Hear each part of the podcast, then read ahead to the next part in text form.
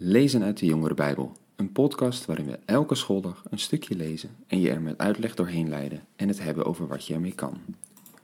Dag jongens en meiden, goed dat je weer luistert naar een nieuwe aflevering van de podcast.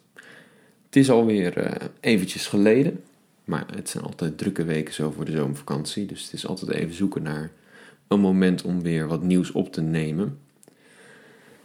Ik wilde het deze week gaan hebben over teksten uit de Bijbel die lijken te schuren met hoe wij nu in onze cultuur denken over gevoelige onderwerpen. Um, dus dat onze cultuur zo veranderd is dat als je de Bijbel leest, dat het eigenlijk wel een heel oudbollig en achterhaald boek lijkt. En dan met name eigenlijk op twee onderwerpen. Namelijk als het gaat over vrouwen en als het gaat over homofilie. En dat zijn namelijk beide onderwerpen waar wij in onze tijd en in onze cultuur anders over zijn gaan denken. In de tijd van Paulus, daar ehm, was het nog heel erg dat eh, de man veel meer rechten had dan de vrouw, dat de man veel meer waarde werd toegedicht dan een vrouw, op allerlei vlakken. En dat is in onze tijd veel meer gelijk getrokken. En als je dan sommige teksten van Paulus leest, dan lijkt het toch alsof er een grote afstand zit tussen hoe hij over vrouwen praat en hoe wij er nu over denken. En hetzelfde geldt voor homofiele relaties. Dat is steeds meer geaccepteerd in onze cultuur, maar er zijn enkele teksten die toch wel erg hard daarover lijken te oordelen. Dus wat ik deze week wil doen is, ik ga die teksten met jullie lezen en we gaan eens kijken, wat staat daar nou eigenlijk? Nou, dit hebben we afgelopen tijd bij de jongeren al een beetje gedaan. En we hebben daar een avond over gehouden. Uh, en er is, ik heb er een keer over gesproken. Maar nu in de podcast ga ik het, het allemaal nog eens na. Als je het op een later moment nog eens wil terugluisteren. en ik wilde de eerste dagen beginnen met de vrouwonvriendelijke teksten. En daar staan er wel een paar van in de Bijbel. Um, Ik wilde vandaag beginnen met de bekendste. Een, ja, een van de twee bekendste teksten. En dat is een zwijgtekst, zo wordt die genoemd. Als Paulus schrijft aan de Corinthiërs en hij vertelt hen hoe ze hun diensten moeten houden, hè, eh, hoe dat er ongeveer uit moet zien en hoe dat eh, in goede orde gebeurt, dan schrijft hij ook even tussendoor twee versen over vrouwen. En dat vinden we in hoofdstuk 14 van de eerste Korinthebrief en dan eh, de versen 34 en 35. Daar zegt Paulus: Vrouwen moeten gedurende uw samenkomst zwijgen. Ze mogen niet spreken, maar moeten ondergeschikt blijven, zoals ook in de wet staat.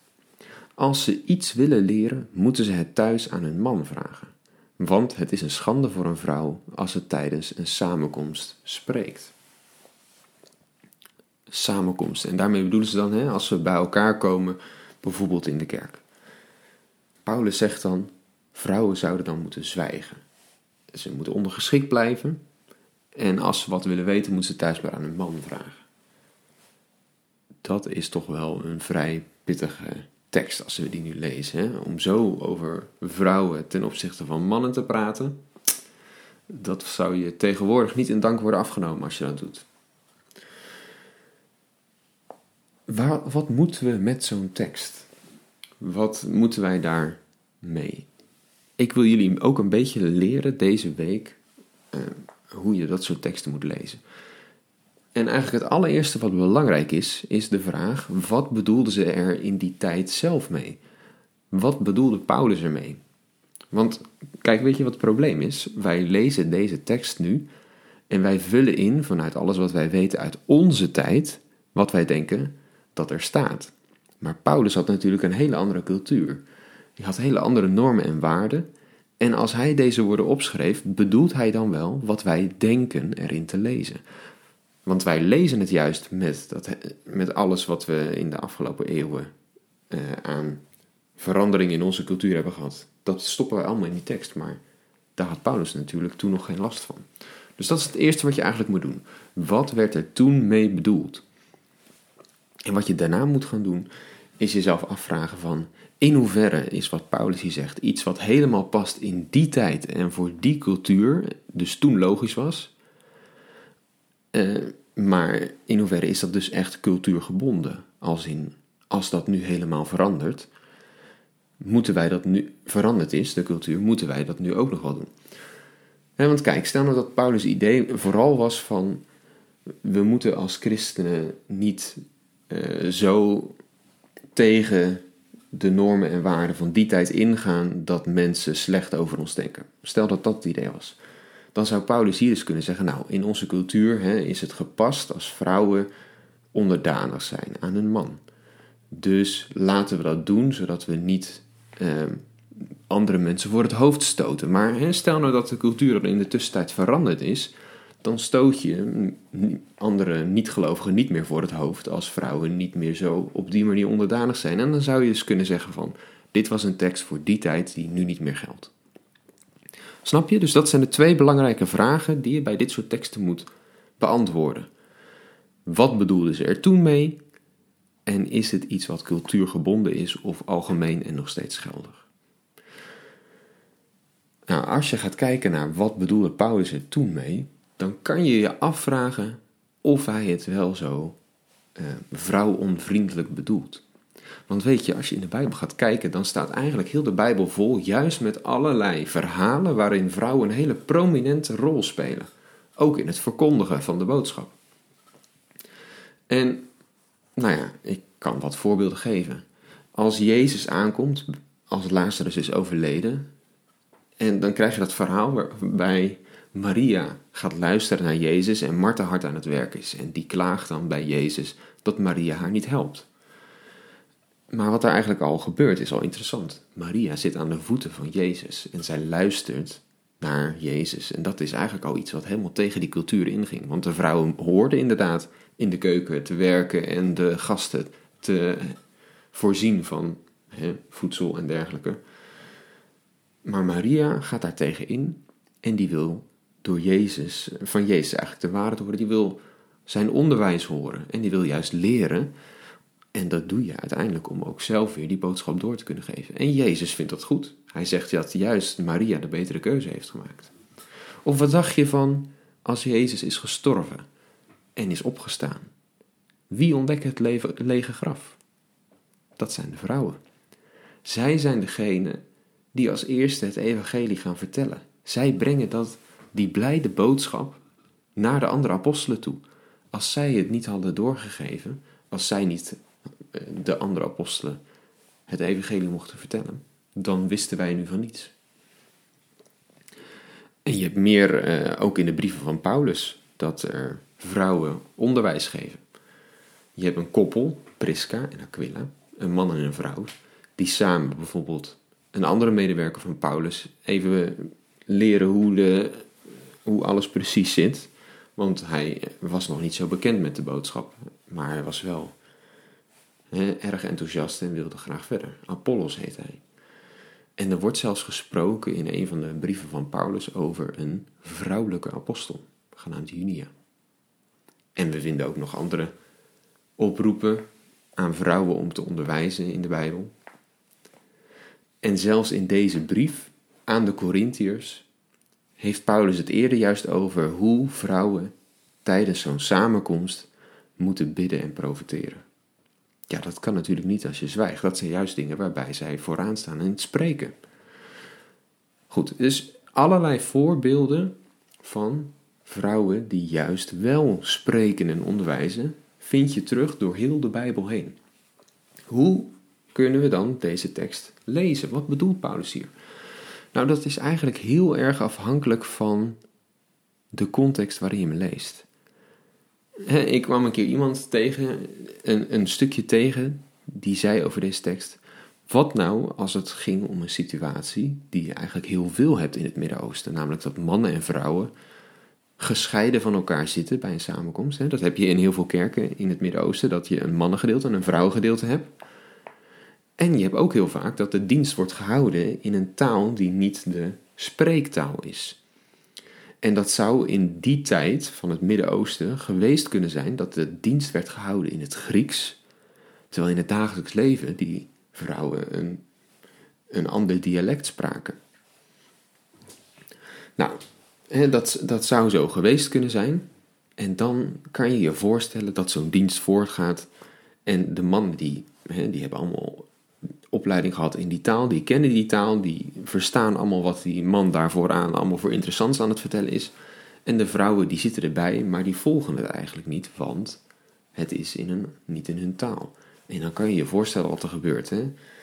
Vrouwen blijven vrouwen, dus in de loop van de dienst, als zij toch niet kunnen horen wat daarvoor aan allemaal gezegd wordt, dan gaat dat het, het volume langzaam reizen als ze met elkaar beginnen te kletsen.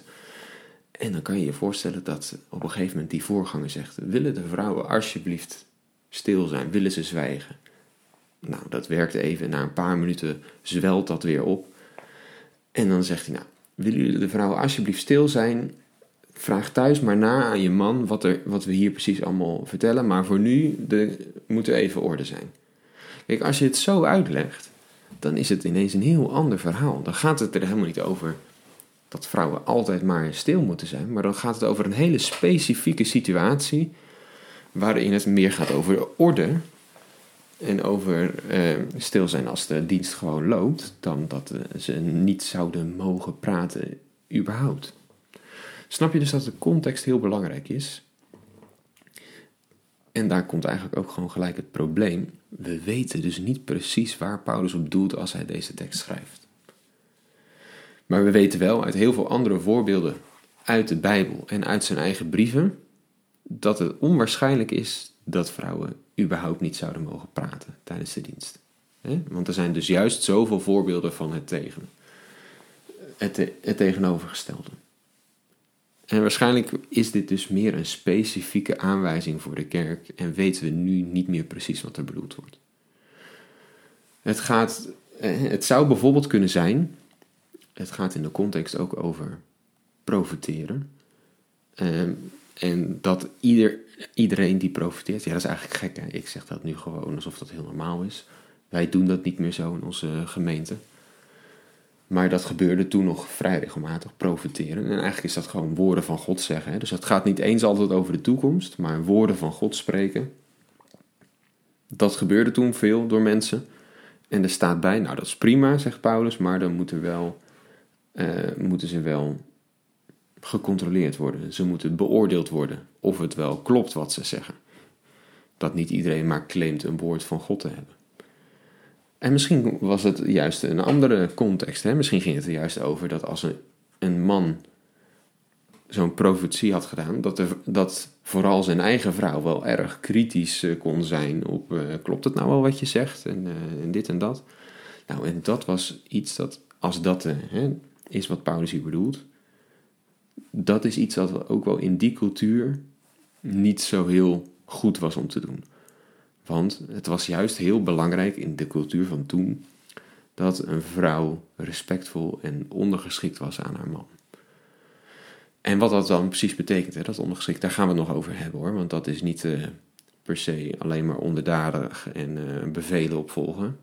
In de ogen van Paulus is dat iets anders, maar dat komt nog dus misschien gaat het hier ook een beetje over hoe moet je als getrouwd stel, man en vrouw, met elkaar omgaan in een dienst.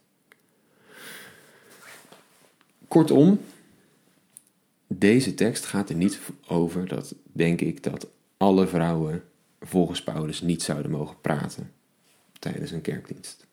Het gaat waarschijnlijk over een specifieke situatie en we weten niet precies welke dat is. Het zou met de context te maken kunnen hebben over profiteren en beoordeeld worden. Het zou te maken kunnen hebben met een hele andere situatie. Hè? bijvoorbeeld dat voorbeeld wat ik gaf, diensten die in verschillende talen werden gehouden. Dus ja, wat bedoelde, wat bedoelde Paulus ermee in die tijd?